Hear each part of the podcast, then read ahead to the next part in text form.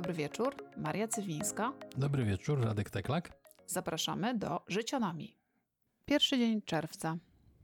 Czerwiec to taki miesiąc, w którym już się myśli o wakacjach. My też myślimy o wakacjach i nie bardzo nam to myślenie w tym roku wychodzi, bo pandemia nie pomaga. A poza tym zaczął się czerwiec, a przecież dopiero co był 10 marca i nie wiadomo w jaki sposób ten kwiecień i maj tak szybko minęły, chociaż maj trwał chyba z 7 lat, więc a kwiecień 12. E, więc ciężko się planuje urlopy, e, dlatego ratujemy się tym, czym możemy mm, i próbujemy e, trochę realizować ten pomysł, o którym mówiliśmy dwa odcinki temu, czyli w jaki sposób podróżować nie podróżując. Dzień dobry. Jeszcze chciałem się odnieść do, do tego, że marzec niedawno jeszcze był i, i weszliśmy w ten stan, gdzie wszyscy siedzieliśmy po domach i się baliśmy wychodzić. Właściwie szczęściarzami byli ci, którzy mieli psy, bo trzeba je było wyprowadzać, a policja waliła mandaty za wyjście po browara i za tankowanie na stacji benzynowej. ja się zastanawiam, co się stało w te dwa miesiące, w sensie jak cudownie myśmy się uzdrowili jako Polacy, że w tej chwili już tego strachu nie ma. Znaczy dobrze, że strachu nie ma i że odmrażamy gospodarkę, tylko się zastanawiam, i w tej chwili wpisuje się chyba już w takie szurskie myślenie i foliowa czapeczka, czy może tej epidemii tak naprawdę nie było. Bo tak to wygląda. No, mi jest ciężko się wypowiadać na temat tego, co um, mówią i twierdzą nasze władze, gdyż przychodzą mi do głowy wyłącznie niecenzuralne słowa, wulgarne inaczej mówiąc. I nie chcę, nie chcę tak publicznie się wypowiadać nieładnie, ale prawdą jest, że coś dziwnego się wydarzyło, bo epidemia jak jest, tak jak była, tak jest. Zachorowania jak były, tak są. Śmierci jak były, tak jak najbardziej niestety są. E, a maseczek już nie musimy nosić, bo po co? Nie, to już nawet nie to chodzi. Nie musimy nosić maseczek, możemy się bandować. E, wszystko zostało praktycznie otwarte i tak mam taki dysonans. Ale szkół już nie otworzą do końca roku, no, nie wiem, Szkół nie otworzą, ale to ja myślę, że tutaj jest taki zamysł, że nie ma sensu odpalać całej infrastruktury szkolnej, bo ona wymaga pewnie więcej wysiłku niż odpalenie całej infrastruktury yy, fryzjersko-kosmetycznej na przykład. Poza tym infrastrukturę fryzjersko-kosmetyczną odpalają prywaciarze a infrastrukturę szkolną odpalałoby państwo. Wyobrażasz sobie, co by się działo, jakby przekręcili kluczyk w stacyjce i ten silnik by zaczął, próbowałby zaskoczyć i żeby to wszystko zaczęło działać? Ale wiesz, żeby było jasne, przecież szkoły pracują na full time, nauczyciele uczą zdalnie, ja... więc te szkoły, to nie jest tak, że to nie działa. Słuchaj, ale mieliśmy rozmawiać o czymś tak. przyjemnym. Czerwiec, no, miesiąc urlopów, miesiąc wakacji, miesiąc planowania.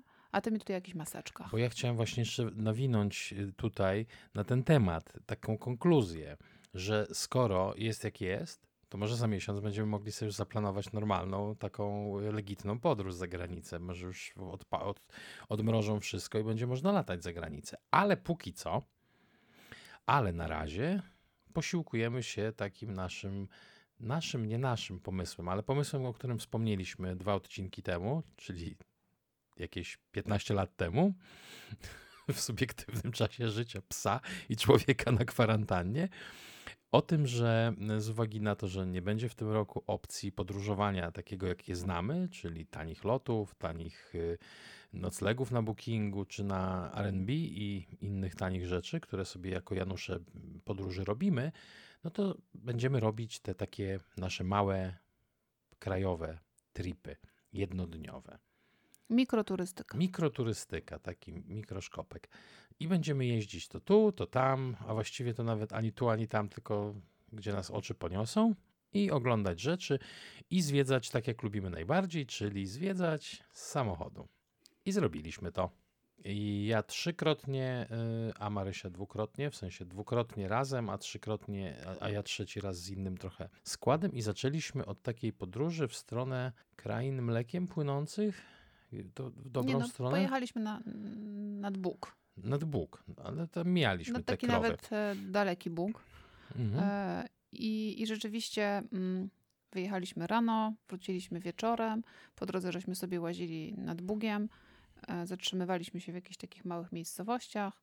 E, i, I to był taki pierwszy pierwszy wyjazd z domu od, od marca mm, i kiedy wróciłam wieczorem w sobotę i potem e, w niedzielę, żeśmy odpoczywali po tej długiej wycieczce, mm, to w poniedziałek miałam wrażenie, jakbym była przynajmniej tydzień na urlopie. Tak się czułam. Tak, no. Taka się czułam nasłoneczniona, um, też nabodźcowana jakimiś innymi widokami mhm. niż miasto i, i, innym powietrzem niż, niż miejskie powietrze.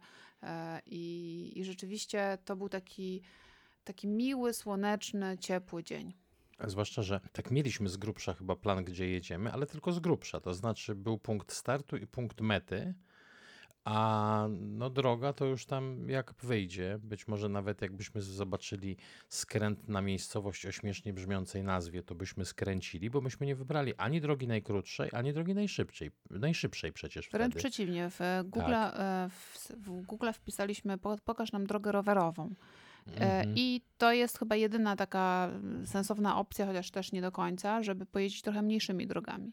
I właściwie chyba teraz chciałabym powiedzieć, że ja bardzo, panie Google, poproszę, e, żebyście wprowadzili taką funkcję w Google Mapsach, w której można zaznaczyć, że poproszę ładną drogę, scenic route scenic tak zwane, route, tak. albo e, poproszę drogę małymi dróżkami, takimi, którymi się da przejechać samochodem, natomiast które są pobocznymi, boczne drogi, taka książka Chmielewskiej była kiedyś.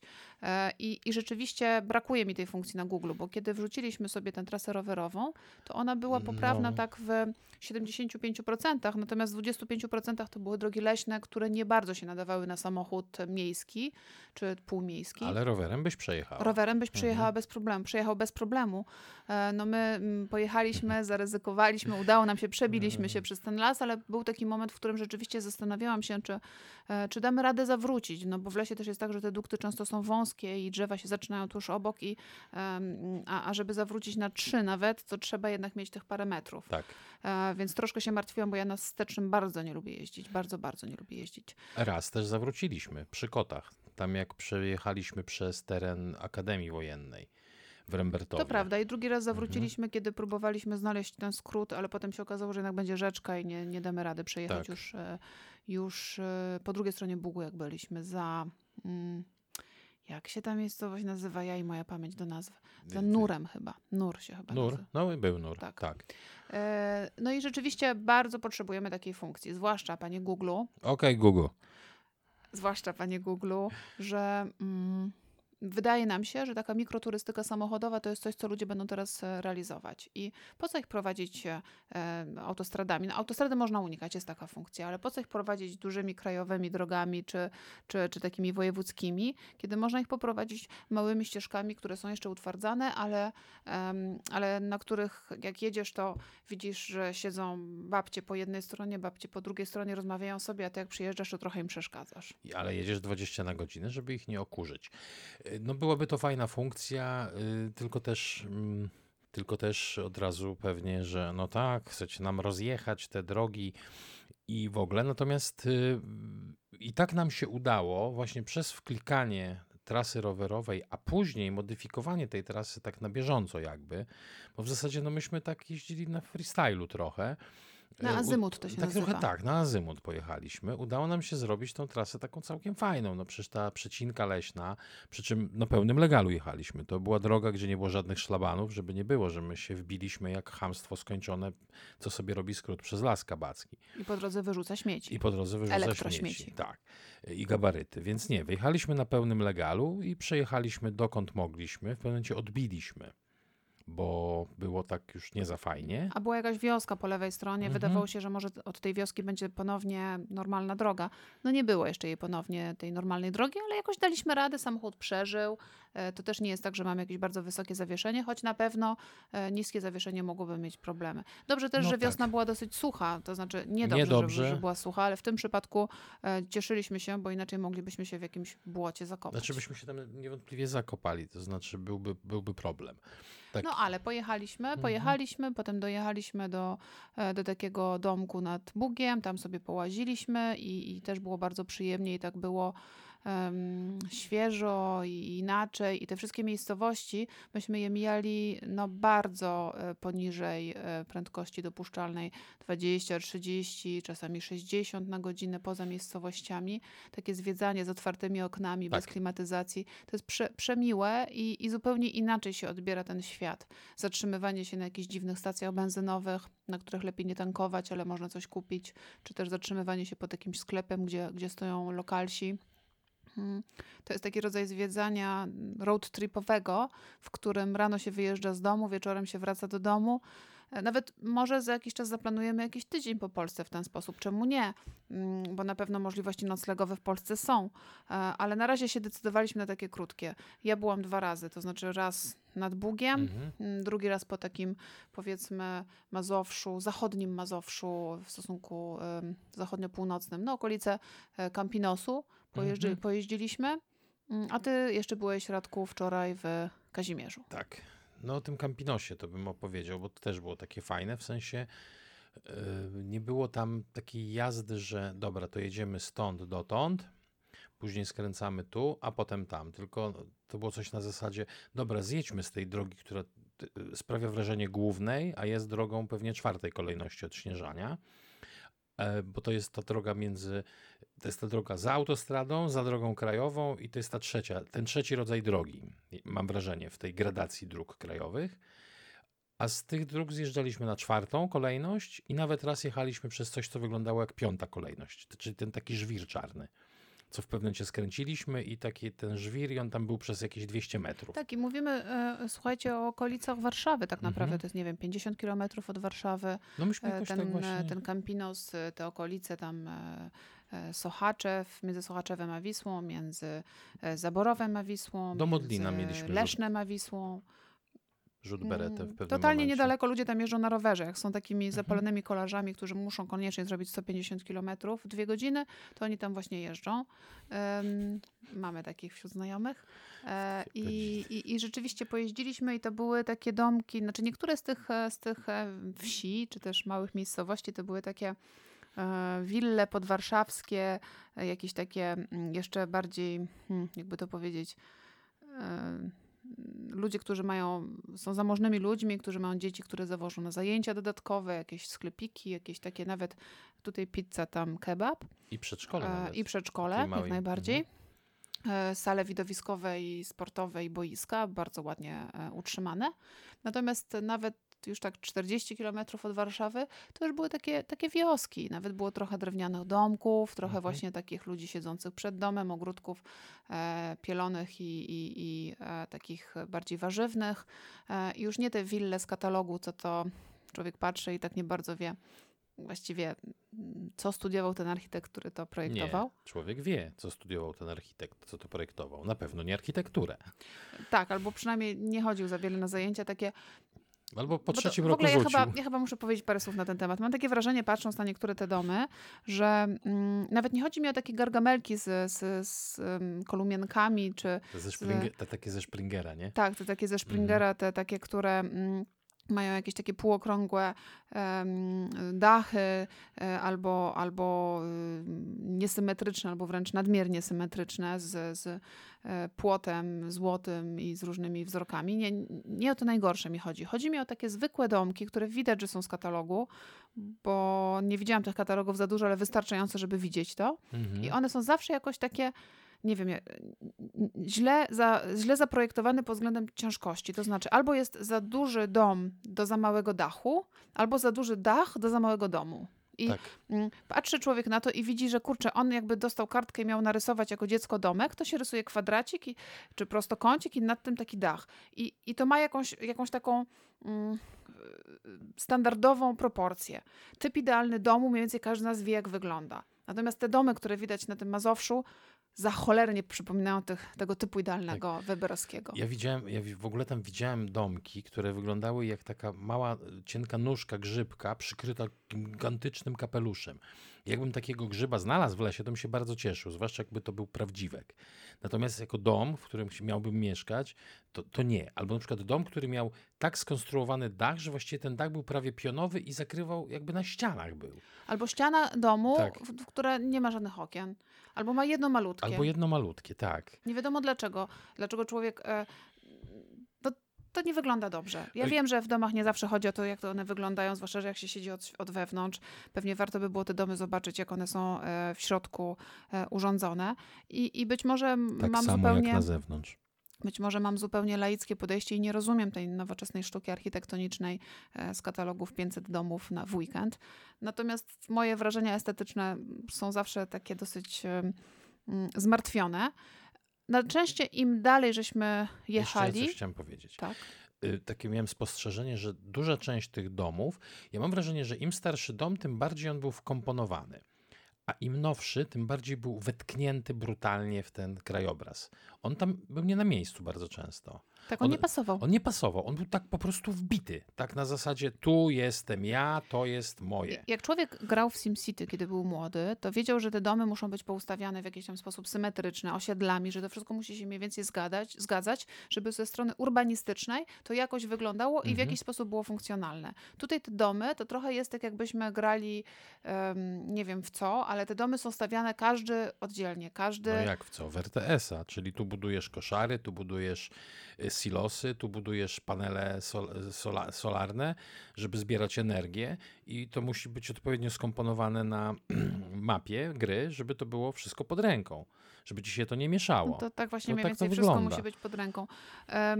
To, co też zauważyłam, to, że te domy są e, od sasa do lasa, jeśli chodzi i o styl, i o kolory, i o kształty, i o wielkość działki.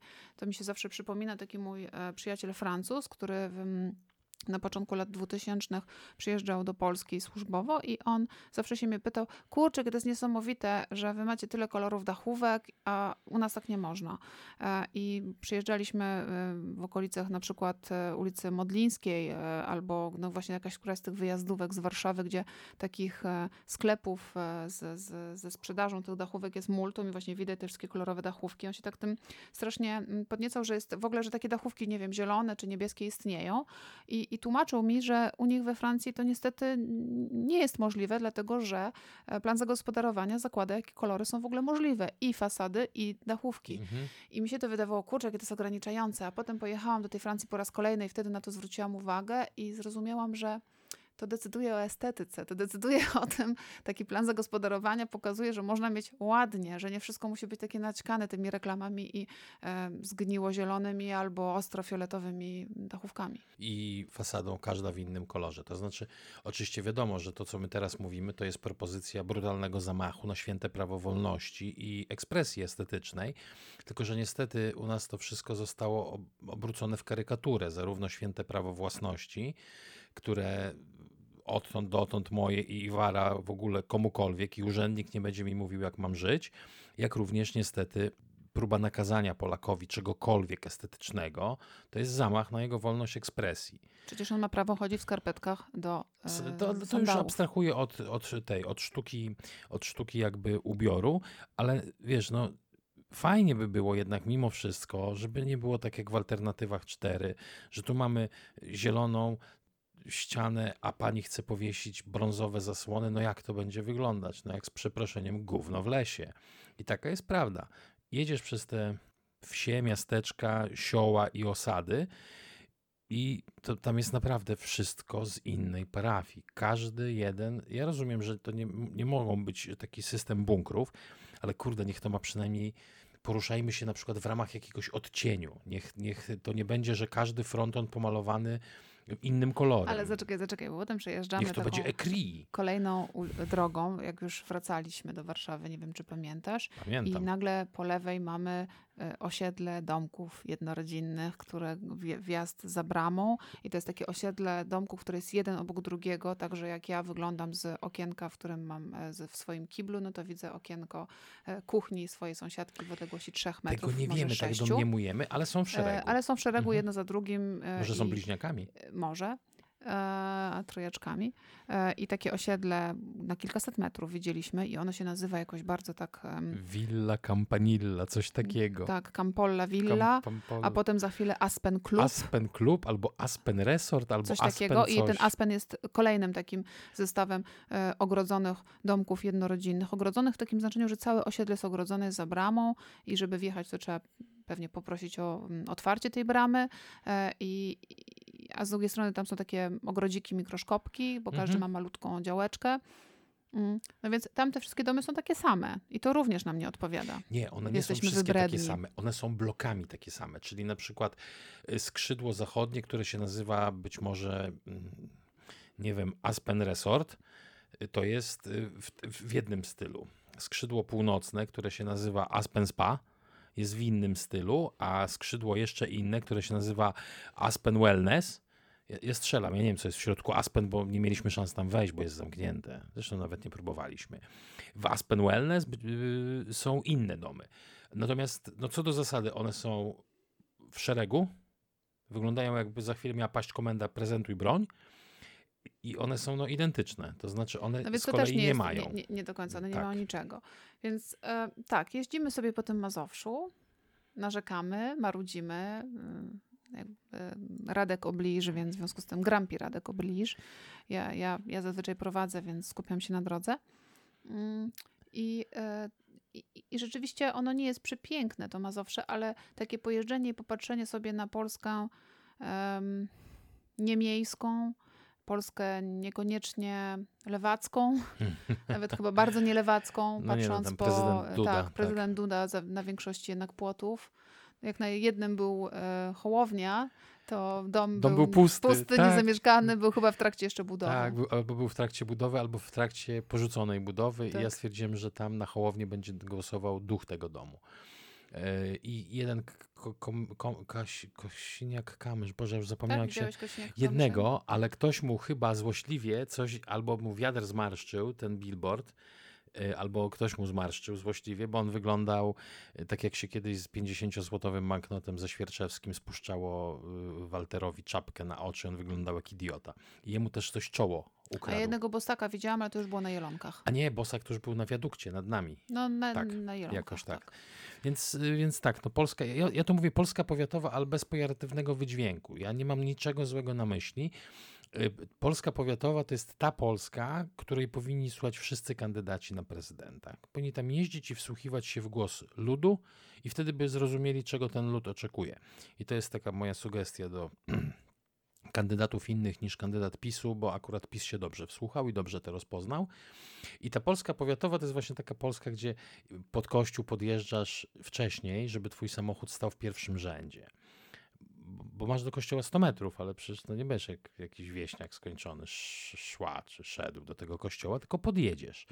Samochód jest umyty w sobotę i na ładnie trzeba w tym kościele.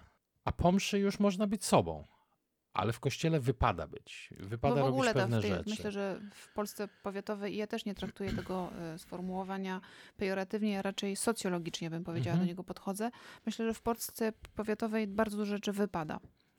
E, Tak. ta, ten brak anonimowości wynikający z małego miasteczka powoduje, że człowiek czuje się ciągle nacenzurowanym, w związku z tym stara się dostosować do oczekiwań e, otoczenia czy do norm społecznych obowiązujących.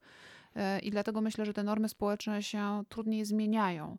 One są bardziej trwałe, ponieważ jest mniejsza dowolność w ich nierealizowaniu. To znaczy ludzie, którzy decydują się na złamanie takiej normy społecznej, mogą ponosić e, wyższe konsekwencje e, takie społeczne związane z, z, z, z pewnego rodzaju ostracyzmem mogą Mhm. się spotkać, więc niekoniecznie mają ochotę na tego typu eksperymenty. Ja jako chowaniec małego miasteczka zawsze jak słyszę, no przecież możesz zrobić sobie tę apostazję, to mam w środku taki wewnętrzny chichot. Bo zazwyczaj pada to z ust kogoś, kto od dziecka mieszka w dużym mieście. I tak naprawdę ma jakichś tam swoich sąsiadów, na których może mieć wylane, natomiast nie ma dookoła tego sąsiedztwa, które będzie go oceniać w drodze do sklepu, w drodze gdziekolwiek. Będą na niego patrzeć za płotu i mówić, a to córka tej, tej, takiej i owakiej, która się z kościoła wypisała. Bo to nie będzie żadna apostazja, to będzie, to będzie zdrada. Więc jak ja słyszę pewne rzeczy y, mówione przez ludzi z dużego miasta, że mógł to, mogła tamto, albo że na przykład przecież jaki to jest problem, załatwić sobie pigułkę po, albo nie wiem, cokolwiek, jakieś badanie i tak dalej, i tak dalej. Ta lista jest długa. To, to mam w środku takie skurcze przepony ze śmiechu, bo mówię, ja pamiętam jak to wyglądało w małym mieście i tam się niewiele zmieniło. Tam jest teraz ładniej. Y, Unia wybudowała drogi, wodociągi zazwyczaj i akwaparki, nie czarujmy się. A Biedronka przyprowadziła e, Biedronka, sklepy tak. i produkty m, nawet lepszej jakości niż No, po które, kiedyś trzeba było, po które kiedyś trzeba było jeździć do miasta, teraz można je sobie kupić pod, jakby pod domem i tam jest ładniej, ale mentalnie mam wrażenie, że zmieniło się naprawdę niewiele.